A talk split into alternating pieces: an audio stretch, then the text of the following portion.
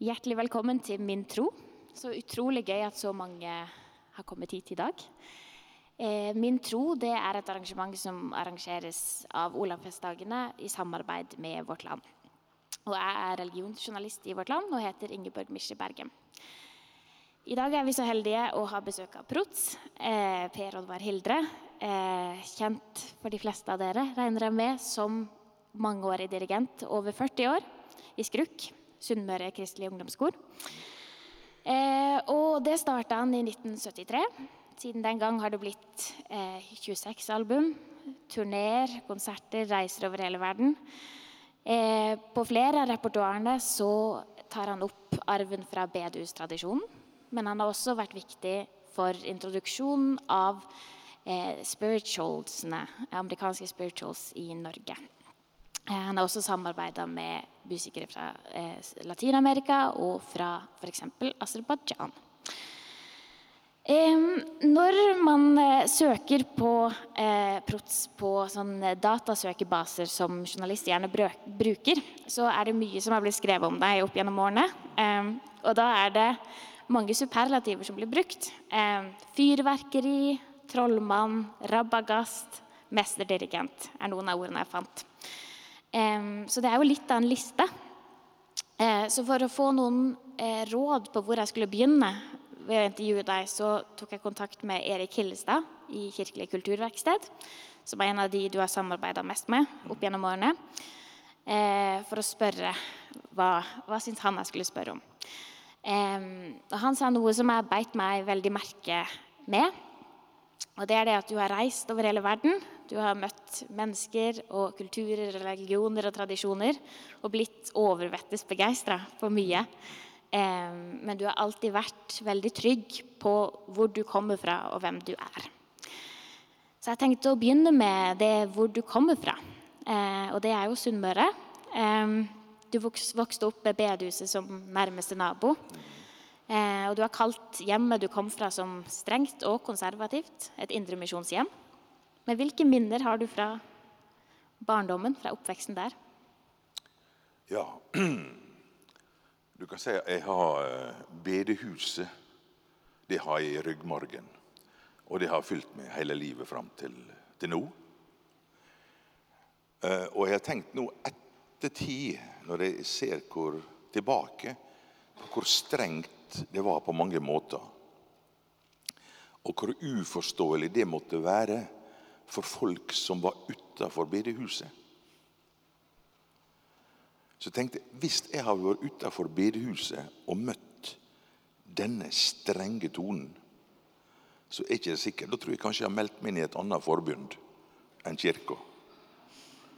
Eh, Men fordi jeg vokste opp der og har opplevd helt sant strenge beskjeder at dette er ikke noen du skal være med lenger nå etter du har blitt bekjennende kristen. Dette er ikke noe lag for det. Så har jeg samtidig opplevd at alle disse skal vi si, advarslene har blitt gitt med så stor kjærleik. Ikke fordi at de ville dømme meg til noe, som det lett kunne høres ut som, men fordi de ville beskytte meg. De var så glad i meg, og de var så redde for at jeg skulle falle ifra, som de sa. Så bedehuset elsker jeg. Det har jeg i ryggen. Eh, Men jeg har også, eh, som året har gått, så har jeg oppdaga at det er en del ting som jeg var veldig redd for å bryte med når jeg var i bedehuset. At det var egentlig ikke så farlig. For det var lett sånn også for oss som var i bedehuset, så så vi på de som var utafor som farlige folk. For de kunne føre oss ut i freisting og lure oss til å falle ifra. Men så oppdaga at det er jo fantastiske folk. eh, Som, som også som ikke kaller seg truende. Og som jeg har blitt veldig glad i og lært mye av. Men bedehuset er ryggmargen. Ja, for du sier at eh, du har vært heldig med foreldrene, sier du. Eh, altså foreldrene du hadde. Eh, fordi de gjorde ting i beste mening, og det opplevdes oppriktig og kjærlig fra Ja, deg. ja. Eh, men hva er forskjellen på å være streng og bare være streng, og være streng og kjærlig? Oi. Ja, eh, altså Det er noe som er lett for oss, ikke bare for bedehuset, men for alle. Det er at vi begynner, Jeg så en, sånn flott kronikk i, i, i, Vårt Land tilbake. Eh, dette er at vi begynner å ransake nyrer og hjerter hos våre medmennesker. Og kaller dem, stempler dem, enten vi stempler dem som rasister eller hva det måtte være. Og han skrev det slik så flott at det, det er ikke det som, er, som, burde være vår oppgave. Vår oppgave bør være å stå for det vi er. For med en gang vi begynner å stemple andre, og da er det en type uh, bestemmelse uh, som ikke er i kjærleik. Det er ofte masse frykt inne i bildet som kan føre til hat. Så, mens disse her har en kjærleik som jeg opplevde, som bare drog meg enda nærmere deg. Sjøl om jeg av og til var skeptisk på vitnemøter på bedehuset. For jeg syns det ble litt mye grining av damene. Og, og, som gudfant så har du lett for å gjennomskue sånne ting. Så som en liten gudtass så tenkte jeg dette mener ikke hun. Hvorfor står hun og gråter? Det er for at andre skal se hvor syndig hun er. Slik at frelsen skal bli enda større. Så, så ja. Men det er jo eh interessant. da. Altså, har du alltid tenkt dette om bedehuset, eller var det en periode i livet der du hadde et mer anstrengt forhold til det? Det høres veldig avrunda ut nå. Har det alltid vært sånn? Nei. Eh, bedehuset har alltid vært med meg. Også når jeg kalte meg for ikke-kristen. For jeg, jeg, jeg brøt jo med mange ting da, kan du si, og, og det har jeg jo fortsatt gjort. Eh, men så kom jeg på en eh, folkehøgskole Eh, og det var møte ute i byen. Brødrene Ravna, for dere som husker dem og kjenner dem, hadde møtevike der. Og så uh, var jeg akkurat fått meg kjæreste. En nydelig jente fra Langevågen. Og Vi gikk på møte, for det var obligatorisk. Jeg gikk på en kristen folkehøgskole, så alle måtte gå på disse møtene. Og da hadde jeg liksom jeg var ikke bevega i det hele tatt av talen. Uh, altså, Det gjorde ikke noe inntrykk på meg. Uh, men så sa de at nå skulle vi komme fram og så skulle vi bli bedt for. Vi kunne knele ned og så få forbønn. Og Jeg skulle til å gå, men så så jeg at hun kjæresten min hun satt igjen og venta litt. Og så sa jeg har ikke lyst til å gå, sa jeg. Har du lyst fram? Ja, men jeg tør ikke, sa hun. Nei, men jeg blir med deg, sa jeg. Så gikk vi fram begge to og knelte. Og disse predikantene kom og la, Jeg var jo litt sånn rebell på den tida der. Så kom de og la hendene på hodet på oss og ba for oss. Og Jeg husker jeg holdt på å få tullflien, for jeg syntes det var så komisk å ligge der på kne. Og jeg tenkte nå skulle kameratene mine ha sett meg. Eh, men så kom, slo det meg plutselig at ja, men du, du tror jo på dette her. Det ligger i ryggmargen din. Og så står det i Bibelen en plass eller iallfall så jeg sett lest. Jeg veit ikke om det står i Bibelen engang. Men uh, vi hadde det som et motto på en bibelcamp seinere i Geiranger. Der står det 'Smak og sjå at Herren er god'. Så jeg tenkte ok, nå er jeg kommet på kne, og en eller annen gang skal jeg på kne, for det hadde jeg tenkt. Uh, så kan ikke jeg like godt prøve nå. Så bestemte jeg jeg prøver. Og så ble vi bedt for, og vi gikk hjem igjen. Og jeg tenkte nå er det viktig å fortelle dette her til kameratene mine med en gang. For i morgen tør jeg ikke. Så når vi kom inn igjen på skolen, så, så var jeg rundt og snakka med hverandre. Så sa dere i kveld så har jeg blitt frelst. Og de lo så de holdt på å knekke opp. De trodde ikke noe på det. Men, men jeg, jeg, sa det er sant. Og vet dere hva som skjedde? Og det, altså, det er mange forskjellige opplevelser. Jeg hadde en karismatisk opplevelse litt seinere. Jeg er ikke den som er mest begeistra for karismatikk, men jeg har opplevd det. altså. For jeg våkna på morgenen og var euforisk glad. Og jeg lå og talte i tunge. Jeg tror det var det jeg gjorde. Iallfall så lå jeg bare og babla. Og jeg skjønte ikke noen ting av det jeg sa. Bare av og til så skvatt det til for jeg sa Jesus. Men det var akkurat som det var en foss som rant ut, og jeg fikk tømt meg for en masse skit og dårlig samvittighet. Og det var bare pur glede. Og dette varte ei hel uke. Og så har jeg seinere hatt mine downs, altså. Tvil og alt det der. Men det, opplevelsen av tungetallet, det var rett etter du hadde falt på kne, eller var det en god stund etterpå? Nei, det var, det var når jeg falt på kne, så kjente jeg ingen verdens ting. Ingenting? Nei, nei, nei. Det var bare en bestemmelse du gjorde da? For å prøve? Nei, det kjente ikke før på Ja, jeg, jeg bestemte nå skal jeg prøve. Jeg tenkte også jeg skal, nå skal jeg prøve i to uker, for det må holde ut en liten stund. Og, og så, men det skjedde, dette skjedde morgenen eh, natta etterpå. Altså morgenen etterpå. Og da Ja. Og hva tenkte du i de to ukene da? Hva, leste du Bibelen, eller hva levde du som vanlig, eller? Ja, jeg, ja, jeg begynte å lese Bibelen, ja. Så den har jeg lest ut. Uh, så det gjorde jeg. Og, og, eh, og vi begynte å gå på møte og, og så videre. Ja. Men hadde du noen gang et punkt der du ble sikker på at den nå, nå Når de to ukene var ferdige, da, da var du, da var du bestemt? Ja, da tenkte, tenkte jeg nå, eh, nå er jeg her. Nå vet folk hva jeg har sagt. Og jeg tror jo på det. Så da, var det, da ble det en del av livet mitt, kan du si. Men du sier, er, altså, tror du du egentlig alltid var kristen? Eller ble du kristen da? Jeg tror jeg alltid var kristen. Eh, når jeg sier 'da ble jeg frelst', så er det egentlig et feil uttrykk. For det var jo en som frelste meg lenge før. Så i stedet for frelst, så vil jeg si at da fikk jeg en aha-opplevelse. Rett og slett en aha-opplevelse for han vi sier vi tror på. Og det var så sterkt akkurat da at det har sett merke. Men Du sier du var rebell før det. Hva legger du i ordet rebell? Er rebell, altså. Jeg, eh, jeg gjorde ikke det foreldrene mine ville. Og jeg var, eh, jeg var forferdelig stygg å banne. Jeg var veldig flink til å banne, faktisk. Så, så det var et av problemene som, som eh, det ikke, jeg, jeg mener jo ikke det er egentlig noe galt å, å banne. Det er bare en uvane. En stygg uvane. Altså, Det eneste som kan banne, det er nordlendinger. Da er det nesten som dikt.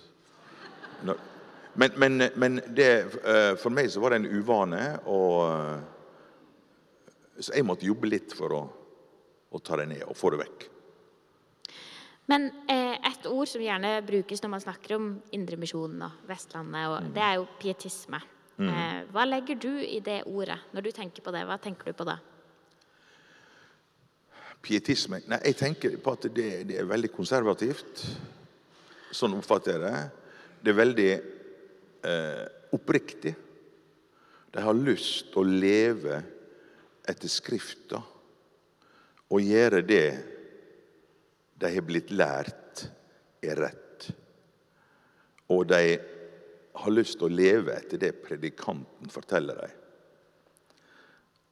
Og der ligger, Nå kanskje jeg kommer på et nytt tema, men der kommer dette her at religion faktisk er råskummelt. Det er en farlig sak.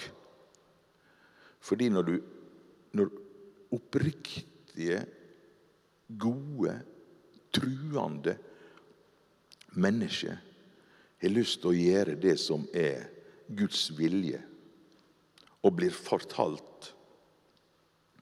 av folk som de tror har autoritet på området, så kan disse autoritetene få folk til å gjøre forferdelig mange stygge ting. Det viser Kirka uh, sin historie, og det viser f.eks. islam uh, i dag at det er en del maktfolk som bruker religion og til å forføre de gode, truende, oppriktige muslimene.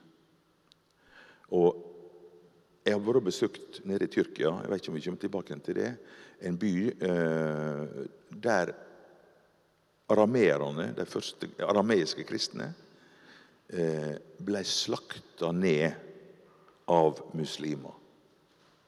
Fordi noen politikere med makt og innflytelse hadde klart å påvirke de religiøse lederne til å si at hvis du dreper en kristen, så skal du få tre bruder når du kommer til himmelen. Og dette her er deres offer til Gud. Det er å gå og gjøre dette. Og det var folk etterpå som sa at de syntes det var helt forferdelig å gjøre det. Men dette er mitt offer til Gud. Religion kan være forferdelig skummelt. Og Derfor er det så viktig også at vi, vi tenker oppi dette her hele. Uten å drepe hjertet og de gode følelsene, så må vi også tenke etter. De skremmende sidene ved pietismen, var det noe du opplevde i barndommen din? At, Var det noe du opplevde i barndommen, de mer skremmende sidene ved pietismen? At nei, nei. nei. Det har alltid vært trygt for meg. Alltid vært trygt. Og litt skeptisk av og til. var det. Eh, du har sagt at du er glad for de pietistiske røttene du har, og at for at pietismen tør å stå for det den står for, leste jeg et sted. Eh, kan du fortelle mer om det? Ja eh, Nei, fordi at en, en kommer jo i forskjellige miljø. Og i noen, også kristne miljø, har hatt en litt sånn arrogant holdning til bedehuset. Uh, altså her svermerne og, og, og, alt dette der. Uh, og da har jeg prøvd å kjenne etter at det rydder. Og jeg vet, samtidig så er det ting da som når jeg begynte på, på lærerskolen i Volda, kom rett fra Hildrestranda, så der var det jo synd, synd å spille kort. Bare for å vise et eksempel på hvordan ting, ting har forandra seg. Og Så jeg ville ikke spille kort. Og når jeg kom dit, så satt disse her på, i venlag og kristne de satt og spilte kort. Og det var til og med folk som dansa av dem. Og det var jo enda verre. Men, så jeg ble veldig skeptisk der igjen. Men så oppdaga jeg at dette her er jo fantastisk flotte folk. Og etter hvert så begynte jo jeg også å spille kort. Og så begynte jeg å danse. Og det utvida jo min eh, livsglede veldig. Uh, så der har da liksom pietismen den, den, For meg så har det liksom blitt nye greiene, men bedus i ryggen. For det er jo det, altså Skrukk er jo ditt store livsverk. Og tenker du at Skrukk står i kontinuitet, eller i brudd til den tradisjonen du har vokst opp i? Skrukk står i kontinuitet. Men det er ikke bare bedehusfolk der. Men det som er, er viktig det, det, Dette var jo skolelagsfolk, så det kom jo fra KFUM, fra bedehuset, fra pinsevennene og mange forskjellige retninger. Til og med, Husker dere Hognestad? Veldig følger av han også, som var med i Skrukk. Men, men musikken, den har samla oss. Og det som er flott med musikk, at det er et språk som ikke eh, har så lett for å bli misforstått som når vi bruker ord. Så musikken har vært det språket som på en måte har bygd oss sammen, der vi har kommunisert og så har vi møtt hverandre med respekt. Og kanskje det viktigste, som også er nevnt, nevnt i Bibelen, størst av alt, er kjærleiken. Og det har skrukkene fantastisk til. altså. Og der er nå ei surdeig i koret. Vi har jo en del gamlinger der. Er du her, Anne Stine? Uh, som har tatt vare på ei surdeig, slik at når ungdommene kommer inn, så, så, så får de denne her surdeiga i seg. Og det er så nydelig å se. Og eh, jeg er så stolt og glad for at jeg har fått jobbe med denne gjengen her i, nå i, i 40, 45 år. Jeg snakka med en sunnmøring jeg kjenner, eh, og spurte hva han assosierte med skrukk. Eh, og han sa at for han har det vært liksom, utypisk for den sunnmørske bedehustradisjonen, fordi det er friere og mer vågalt og livligere. Eh, er du enig i det? Har du endra det innenfra? Jeg har fått en del sjelesørgeriske brev fra min onkel på det der. Og det er, det er kanskje den onkelen jeg er mest glad i og har størst respekt for. Men han har ikke slutta å snakke med meg. Og han viser meg akkurat like stor kjærlighet og respekt. Men han er litt bekymra. Hva er han bekymra for? Eller han var litt bekymra. Ja, hva var det han var bekymra for? At vi ikke handler helt etter, etter, Bibelen og etter trua. Og han var en veldig ydmyk mann, men han sto også veldig hardt på det han trodde på. Og han var en brand, vil jeg si. Eh, og, og jeg kan bare nevne ja, Det ene husker jeg var med han til gudstjeneste i kirka. Og presten hadde vi jo kjemperespekt for. Presten skulle hjem til oss og drikke kaffe en gang, og da vaska mor mi ned hele huset før han kom. For, for, for, å ha sånn respekt for presten. Så det hadde du i hele bygda der. Men så var det en dag vi var på gudstjeneste, og, pre, og onkel han var ikke fornøyd med presten sin tale. Han syntes han var for mye pinsevenn. Så da gikk han bak i sakristiet etterpå gudstjenesten og virkelig sette presten på plass. altså. Så, så han, og, og, så hadde han en bror som han var så glad i. De hadde vært drenger i lag på Vigra. Og denne broren han har samla de andre yngre brødrene hver kveld og holdt andakt for dem. Og Jeg husker når jeg gikk ut på jordet med onkel. Jeg jobba med han på gården. Og jeg jo, begynte da jeg var tolv år. Og Så gikk vi over jordene etter å ha jobba og så på alt vi har gjort. Og en onkel sa dette hadde ikke klart hvis ikke du hadde vært med. Og så snakka han om noe bror, andre bror, Olav. Har ikke det vært for han Olav, sa han, så hadde ikke jeg vært kristen i dag. Han, og da, da rant tårene av han. Han var så glad i en Olav. Men så meldte Olav seg inn i Jehovas vitne. Og det var verre enn å være katolikk på Hildre. Så kommer han Olav ut og skal besøke Olagarden, heter det der som vi bodde. Og Da møtte han onkelen han ute på trappa i døra og så på noe med triste øyne. Så Olav, du er ikke broren min lenger. Jeg kan ikke slippe deg inn. Steinhardt. Og jeg er sikker på, hvis han onkel visste, var sikker på at han Olav kom til himmelen om han skjøt han, så ville han skyte han. Og, og, og, jeg tenker også, Nå tenker jeg også litt tilbake på det vi opplever nå i, i andre religioner som har levd i litt mer isolerte kulturer enn hva Vesten har vært. Så har vi veldig lett for å dømme disse folka her for noe rå og hjerteløse og, og, brutale folk. Men der, der ligger ofte en kjærleik og et ønske om å være truende bak. Men når du, vi i stad, når vi satt bakom her, eh, så snakka du om at du har så mange flotte møter med muslimer, og du tar det opp nå flere ganger eh, i forbindelse med, med onklene dine, f.eks. For mm -hmm. eh, fortell litt om det, og hvilke eh, Når du møter de, hvordan eh, er bedustradisjonen du har vokst opp i, hvordan er den med deg da? Den er med. Den er med.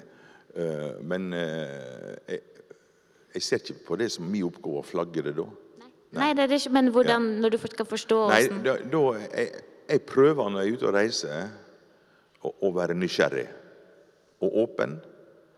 Og ofte en del sånne kulturer som en reiser, så er, så er jo mange ting som for oss er helt naturlig og høflig, det kan være direkte uhøflig i disse kulturene. Og vice versa. At det som er helt naturlig for deg, er helt utidig for oss. Og vi var, Det var Erik og jeg, Erik Hillestad, vi var oppe i en by som heter Lahij. Og Der ble vi invitert hjem til imamen. Og sønnene hans laga mat til oss. Og når vi satt rundt bordet der, så sier han imamen dere er kristne, dere? sa han. Ja da, sa vi. Ja, det, det syntes han var interessant. Sa jeg har jo lest hele Bibelen, sa han. Nytestamentet også. Eh, men, og, og, men det som jeg syns er så rart med dere kristne, det er at dere går inn i kirka med sko på. Hva, hva er det for slags respekt? Og det har en voldsom respekt for gudstjenesta si og trua. Og så, eh, men hva, hva, er egentlig forskjellen på, på, på, på det vi tror på, og dere tror på? For Jesus er jo en stor profet i uh, islam også. Og så var det en av oss som jeg tror faktisk var jeg som var så dum jeg sa det, at eh, nei, for oss, vi, vi, vi tror jo på Jesus som Guds sønn. Og så på Gud, og så tror vi på Den hellige ande. Og da eksploderte han og spratt opp. Og uh, holdt en tordentale for oss. Og Fordi at Gud er én. Det er kun én Gud. Så må ikke komme og drage med noe annet. Var, det var rett og slett blasfemi å si noe sånt. Så drylte han knyttneven i bordet og forlot bordet. Og Vi var jo rundt om i Lahij, og så var det kveldsmat. Og de slakta en sau. De kjøpte en sau nede i en annen by. Frakta han levende opp dit. Så slakter han, og så skal de da skjære opp han, så at blodet skal renne fram for føttene til gjestene på sauen. Og så begynner de å, å, grille. Og vi kom inn og skulle ete. Da satt han far i huset, imamen, ved bordet. Og når vi kom, så røstet han seg og gikk. Så vi måtte ete alene. Han ville ikke ha bordfellesskap med oss. Jeg vet det er folk på Sunnmøre som ikke vil ha bordfellesskap med enkelte til nattvern f.eks. også. De mener ikke det, de er sterke nok i trua. Og slik var det med han også. Og eh, neste morgen så eh, kom han til frokost. Det ble en lang historie. Så kom han til frokost og satt litt stille til å begynne med. Og så tar han ordet og så sier han Jeg må be om tilgivelse for at jeg var så hard i går. Jeg må be Gud om tilgivelse hver dag, for jeg har så et hardt hjerte. Og jeg var ikke klar over at muslimene ba om tilgivelse.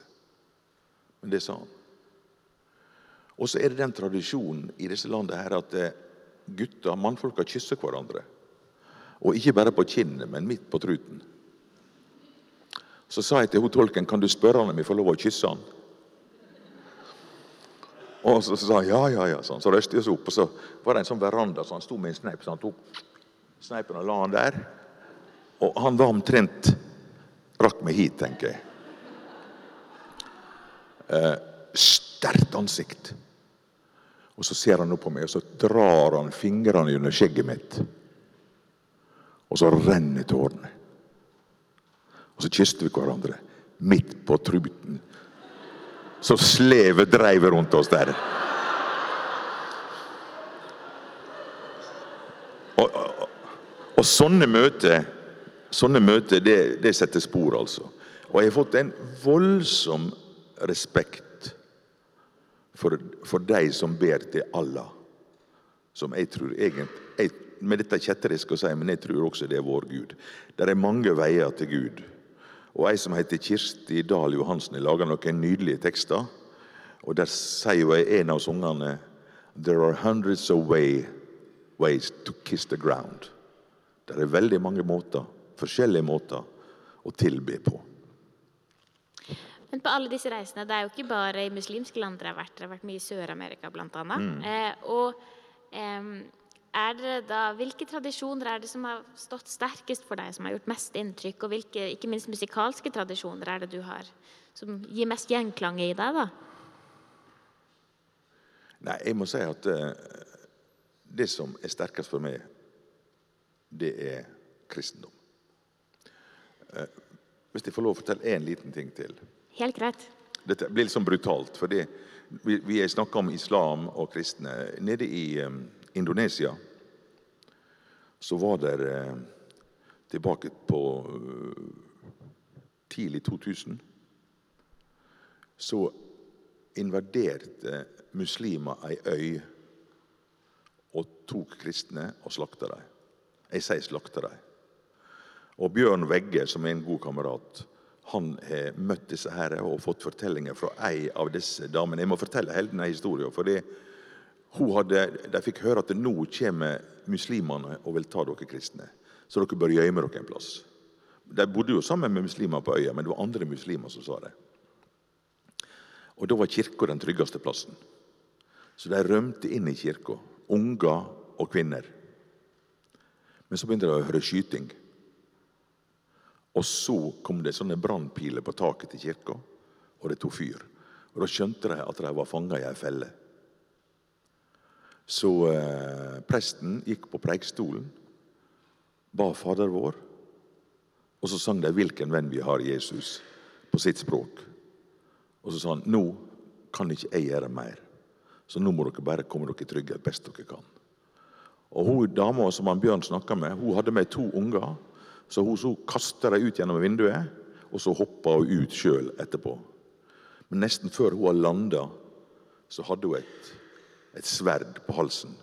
Og Der står det en kar med seg herre rundt, rundt panna. Drog de inn til byen og fant mannen hennes og faren til ungene. Og framfor dem så, så skar de hodet av ham. Helt forferdelig. Og så var vi der nå i eh, tre år siden.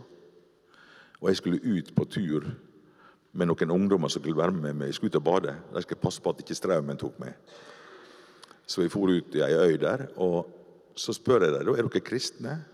Ja, hun var kristen, hun var kristen. Og han, han er muslim. Og så spør jeg disse her jentene etterpå, ungdommer, 19-20 år Orker dere å være sammen med han?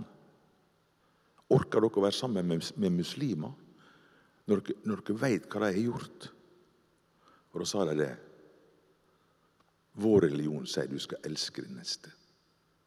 Bitterhet dreper bare deg sjøl.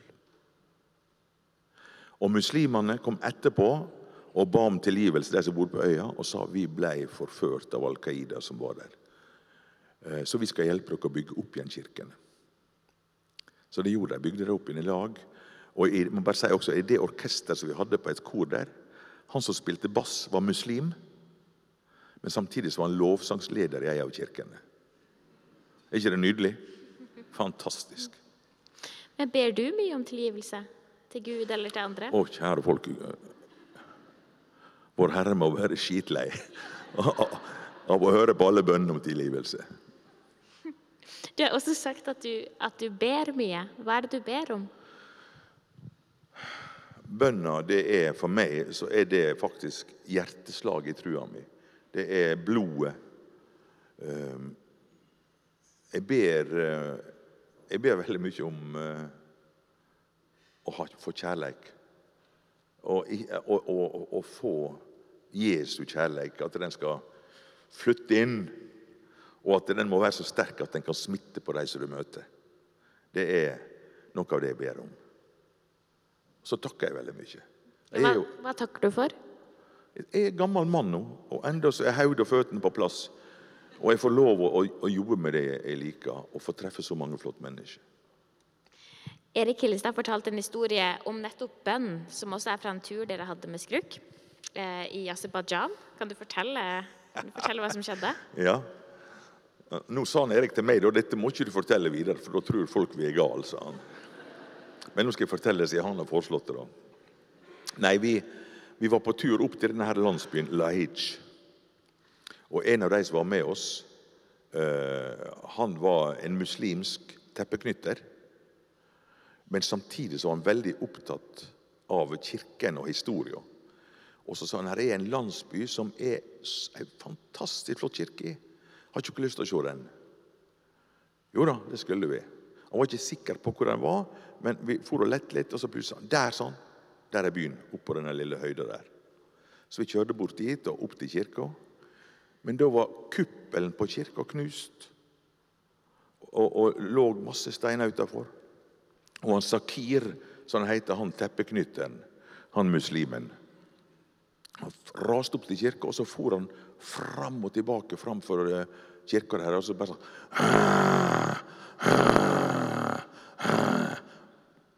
Og freste. Og vi hadde med henne tolken hos Sevda. Eh, så jeg spør han hvorfor får, er han blitt bilsjuk. Så jeg, hva er det? Vil han kaste opp? Hva er det? For det hørtes ut som han var sjuk. Så sier jeg nei, han er så rasende for at kirka er ødelagt. Jo, men han er jo muslim, sa jeg. Hvorfor er han sint for det? Nei, for han kjenner sin historie. Og han vet at en del av Aserbajdsjan, der var det kristendom. Faktisk det første landet uh, utenfor som ble kristent. Det er ei side som vi ikke har lært så mye om i vår kirkehistorie. Ah, ja, ja, sa han. Så for han fram og tilbake. Og så kom det opp en ei, ei dame med skaut eldre dame, og sikkert sønnene. De har vært nede på marka og raka, men de så utlendinger, så de kom og var nysgjerrige. Kom med rive på skuldra og, kom og helste, og vi helste. og Så kom han, eh, han Sakir og for rett i strupa på en av dem. Og sa 'Hva er det dere gjort her?' sa han. 'Dere ødelegger, har ødelagt kirka.' Og så sier de ja, men eh, dere skjønner det, her var noen som ødela moskeen vår. Og det var armenere. Og de var kristne. De var sikre på det var armenere. Så da har vi bestemt oss for at vi skulle hevne oss og ødelegge kirka deres. Og vi hadde møte og diskuterte om at vi skulle gjøre det eller ikke, for den kirka har jo alltid stått der. Og så ble de enige om å gjøre det. Og eh, så begynte de å rive kirka. Men før det var gått ei uke, så var alle de som begynte å rive, blitt alvorlig syke eller gått fra forstanden, fortalte hun. Og eh, så slutta det å regne. Og Nå har ikke det regna på to år. Og det regna der nede på den landsbyen der borte, og der har det regna. Her har det vært tørt hele tida. Så avlingene våre eh, blir ødelagt. Og så kommer Sauda fram. Og Sauda hun var blitt nyfrelst kristen. Hun hadde konvertert. Og hun var så kristen at det ble litt pinlig for oss som kalte oss kristne andre. For hun skulle vitne om dette her hele tida. Og så sier hun til henne ja, men vi Nei, nei så har hun da gått og delt ut Nytestamentet. Sånn var det. Så når vi skulle, når vi skulle dra, da, så stoppa hun der eh, bondedama og så sa hun hadde stått og lest. Og så, så står det her, sa hun, at be, så skal du få. Så kan ikke dere som kjenner Gud, be om at vi får regn? Og eh, jeg, eh, Ann Erik og jeg vi så på hverandre og tenkte her får vår Herre et problem. For det var steikende heit sol altså over hele, hele landsbyen der. Men vi kunne jo ikke si at nei, det er ikke sånn meint, og begynne å tolke. Be så du skal få, det skal bety, det betyr slik og slik, og det er den konteksten og den konteksten. Men hun trodde rett på det som sto der. Så vi holdt hverandre i hendene og sto og ba intenst om regnvær. Vi ba på norsk, og hun og Sevda bad på aseri. Og så sa vi takk og farvel, og disse her eh, som har møtt oss, de syntes dette var veldig interessant og takka veldig. Sette oss i bilen og begynte å kjøre. Og har kjørt i et kvarter, halvtime, så sa det bare splott, splott.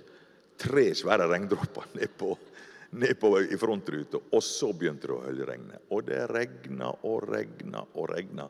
Så veiene ble nesten uframkommelige. Det virkelig hølja ned. Og så sitter hun Sauda, den nyfrelste, i baksetet og flirer veldig. Og så, og så spør jeg hva du flirer for. Sauda. Nei, sa. Jeg er nesten redd for å be, sa. Ja, men hvorfor det, da? Nei, for jeg får alltid så mye mer enn jeg ber om. og så sier du, vet du, Sauda, jeg er også redd for å be. Men det er for at jeg er redd for at jeg ikke får det jeg ber om. Og at jeg skal, at jeg skal bli tvilende av den grunn.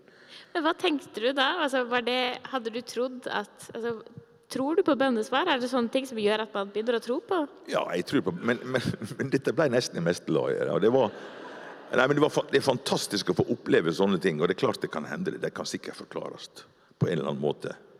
Men jeg velger å tro at det var et bønnesvar. Hva gjør sånne ting med troa din? Akkurat der og da så får det en boost. Men det som noe av det som gjør at jeg tror, det er faktisk at sjøl etter sånne opplevelser, så kan tvilen ta meg.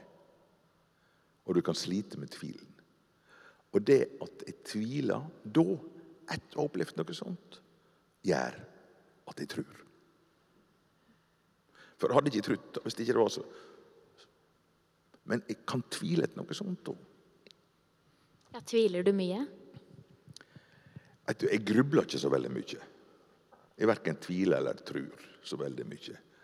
Eh, jeg går her og er glad for at hodet og føttene ennå holder, og da takker jeg Vår Herre.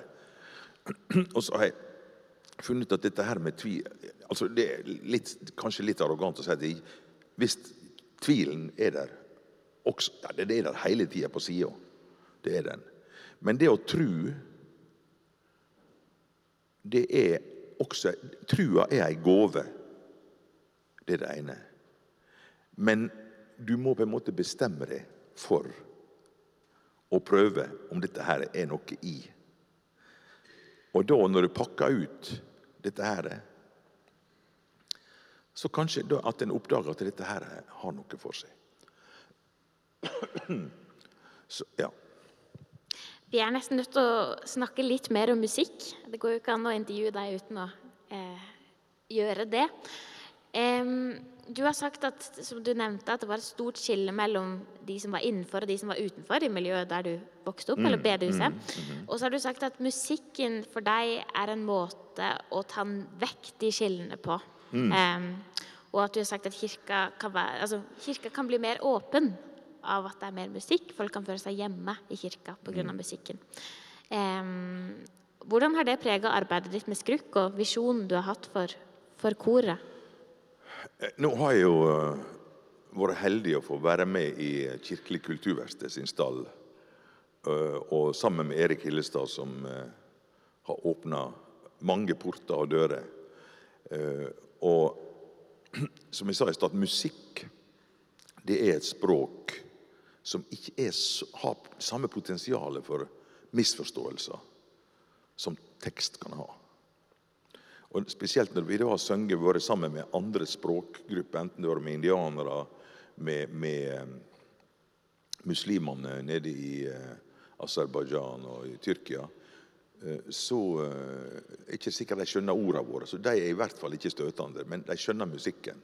Så det gjør at vi kommer veldig nær hverandre. Og det har også gjort at folk etter hvert har spurt, iallfall har jeg opplevd det, de liksom spør meg litt mer ut hva er dette her som jeg tror på, hva er det for noe? Og Da, da kan en få en litt anledning til å, å, å, å snakke om det. Og så spør jeg deg også hva dere, det dere tror på, hva betyr det for dere? Så da kan vi få fine, fine, små fine samtaler. Og det skal jeg fortelle dere. Jeg har faktisk vært på bønnemøte i en moské og, og, og bedt med muslimene i en moské. Og det var en flott, fantastisk opplevelse.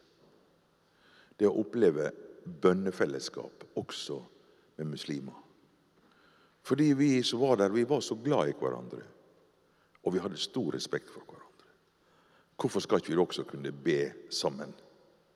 Og jeg ba til i hermetegn min Gud, og de ba til i hermetegn sin Gud. Jeg tror vi ba til samme Gud, med bare forskjellig språk og forskjellige navn. For du har sagt også det når vi snakker om å føle seg hjemme i kirka, at du ikke er så glad i å gå i kirka selv, har du sagt en gang. Jeg vet ikke om du står for det ennå? Ja, jeg, jeg, eh, jeg, går, går, jeg kan gjerne gå i kirke. Og av og til så har jeg en flott opplevelse. Jeg synes Den gudstjenesten som var nå i domen her, var en fantastisk fin, eh, fin gudstjeneste. Og en flott tale av biskopen som iallfall for meg så, så, så rørte det meg. Og eh, åpna øynene mine for en del ting. Så, men av og til så tenker jeg at det har vært deilig å ha ei gudstjeneste uten preike. La ordet sjøl virke.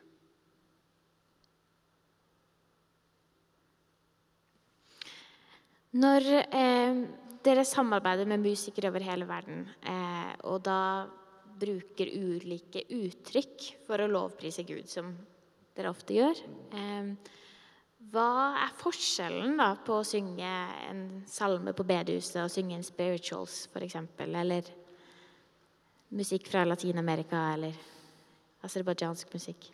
Nei, jeg, jeg sa det vel i, i går at når du var i New Orleans, så tenkte du å, tenk om det kunne være sånn på bedehuset eller i en norsk kirke.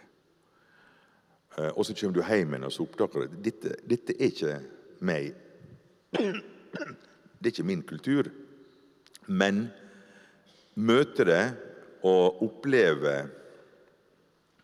oppleve denne her inderligheten som du får i gospel, eksempel, i kirkene, det kan være blodoverføring til min egen tro og til min egen kultur. Og så oppdager vi også når vi har reist sånn rundt, at vår egen kultur er jo bare helt fantastisk.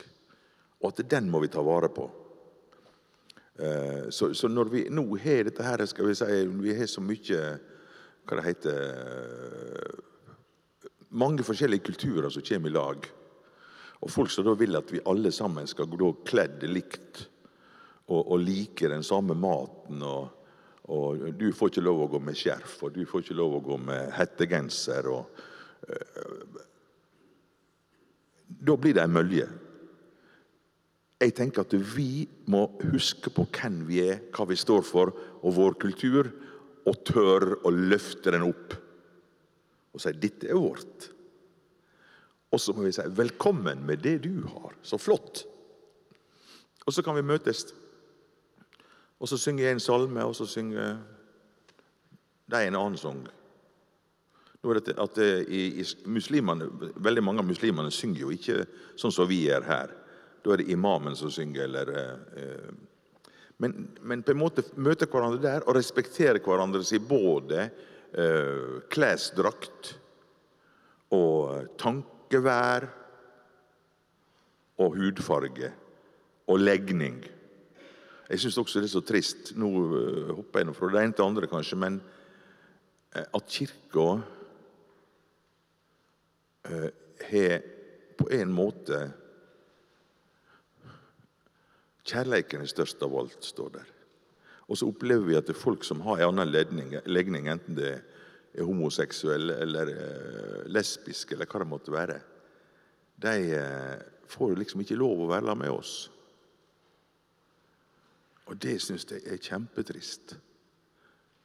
Eh, jeg var, Sist sommer så var vi i San Francisco med Skrukk. Og Der er et kor som heter Oakland Interfaith Gospel Choir. Det var et internasjonal, og interfaith, faith, det er true. Og der var det muslimer, kristne, jøder, buddhister Lesbe, transe, homse, svart og grønn og gul og blå. Det var ei fantastisk blanding. Og dette var et gospelkor. Og de hadde gospelkonserter. Og det var en sufist som så helt nyfrelst ut når han sto der og sang eh, 'Praise the Lord, praise the Lord'. Så sier jeg eh, Tror du på dette her? Og sier Nei, så han er vanskelig for å tro på det, for han må, må forstå det. Men han har begynt å gå i ei kirke nå, for han syntes det var litt interessant hva dette her var for noe. Ja, men hva, syng, hva tenker du på da når du ser helt nyfrelst ut og står og synger 'Praise the Lord'? Ja, da tenker jeg 'Praise the life'. Pris livet, tenker jeg da når jeg synger det. Og det er jo det det handler om. Han vi tror på, han er livet. Hvis du skulle sagt eh, hvordan sangen preger troen din, er det det som er livsåren i troen din? Du sa bønn var livsåren, men er ikke sangen en år nummer to? Bønn er viktig for, å få trua. Sangen, den, den uh, har ikke tenkt på at den betyr så veldig mye for trua mi, egentlig. Uh, det er mer denne her opplevelsen av uh, fellesskap mellom musikere og mellom musikere og publikum, og, og, disse gode vibrasjonene som det kan gi oss. Uh, så, nei, det er, altså bønna betyr mest for trua mi, da. Mm. Det var overraskende, egentlig. Ja vel? Ja, som Sang er jo instrumentet ditt. Eller? Det er instrumentet mitt, det er det. Ja, Men uh, ikke så viktig. Det er viktig, mm. men, nei, men det er ikke viktigere enn trua mi. Det, det er det viktigste. Så hvis jeg måtte velge, så måtte jeg nok skjære av der, altså. Men jeg tror jeg slipper å velge. Når du jobber med, eh, med musikk eh, eh, og religiøs musikk, da, er, det, eh, er tekstene viktige for deg da? Du, når du velger ut låter og sanger og salmer, og, hvor viktig er det? Tekstene er, er viktige, men samtidig så er jeg forferdelig knøete når vi skal jobbe med musikk og tekst og sånt med kora som jeg jobber med. Så ofte så står jeg og synger helt feil tekst jeg skal innover. Og jeg kan, Vi kan innstudere en hel sang, og jeg, skjønner, jeg har ikke tenkt over hva vi synger om engang. Før jeg kommer hjem og leser gjennom. Så tenker, å, ja. Men da får du innspill til hva du kan gjøre med uttrykk og sånne ting. da. Så, så teksten ligger nok langt baki. Men jeg elsker dikt. Jeg elsker tekst, altså. Uh, eller gode dikt. Som man Tor Johnsen sier om det å dikte. Og det er, kan også være å drive med musikk. Han sier at å dikte, det er å slippe hvite fugler ut i nattesvart. Det syns jeg fortsatt. Ja. Hvis du, når du starta Skrukta i 1973, hvis du skulle Den prots som sto der da, og den som sitter på scenen i dag, eh, hadde den protsen i 1973 kjent igjen troa til han som sitter her i dag? Ja, det tror jeg. Er den den samme? Jeg tror nok han har vært litt skremt, han fra 73. Ja, hvorfor det? Ja, hvorfor det? Nei, fordi at det, eh, i dag så har jeg et mye åpnere eh, og avslappa forhold til, til mange av de tinga som har vært så, så strengt. Eh, Eller som har vært opplevd som strengt. da. Eh, For jeg tenker Akkurat nå så så er det, trua mi har kanskje forandret seg i den retning at eh, I dag så er jeg på en måte føler jeg helt fri. Og det, det står at Jesus døde for alle. Alle er frigjort. Enten vi heter Behring Breivik, eller vi heter Martin Luther. Alle er vi frigjort. Alle er vi frelst. Og jeg tenker også da at jeg har jo så mange gode venner som er ateister, som ikke tror. eh, Som sier de ikke tror, iallfall. Men jeg tror at vi skal møtes igjen i himmelen. For Jesus døde for alle. Men her og nå, hva er forskjellen på islam og, og kristendommen? Vi sa det. Jesus er en av dem. Han Han har gitt oss en del gode tips. Gode råd. Og det finner vi også i de ti båd, mener jeg. Vi bruker ordet båd, bud. Det høres så hardt ut. Men det er egentlig gode råd for veien til himmelen. Så himmelen, den kan vi fange her.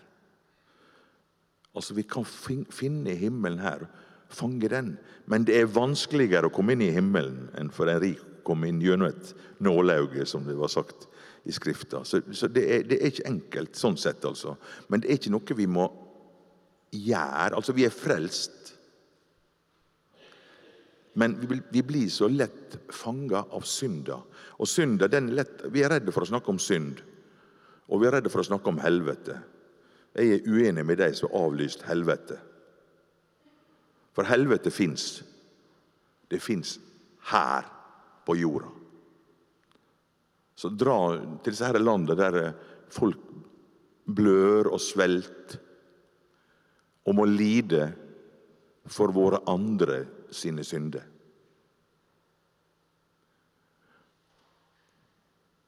Ja, nei, jeg skal ikke Men hva er himmelen, da? Du sier at du tror vi alle skal møtes i himmelen. Hvordan ser himmelen ut? Jeg har ikke peiling. Det, det har jeg ikke tenkt å bry hjernen min med i det hele Nei, tatt. det bryr du deg ikke om. Det er Nei. ikke så viktig. Nei. Nei, for jeg hadde egentlig et, Nå nærmer vi oss jo slutten her. Jeg hadde et siste spørsmål, og det er faktisk om himmelen. Um, og det er hva slags musikk tror du det er i himmelen? Hva synger vi der? Jeg tror det blir heavy metal. Jeg har ikke peiling. Men jeg tror det er musikk vi vil like å være med på og, og høre på. Du, tusen takk. Eh, og tusen takk for at alle dere kom. Eh, dette er altså min tro som kommer til å være nå hele uka klokka tre. Eh, I morgen så er det min kollega Elise Kruse som intervjuer Rune Edvardsen. Så alle er hjertelig velkomne da også. Og vel hjem.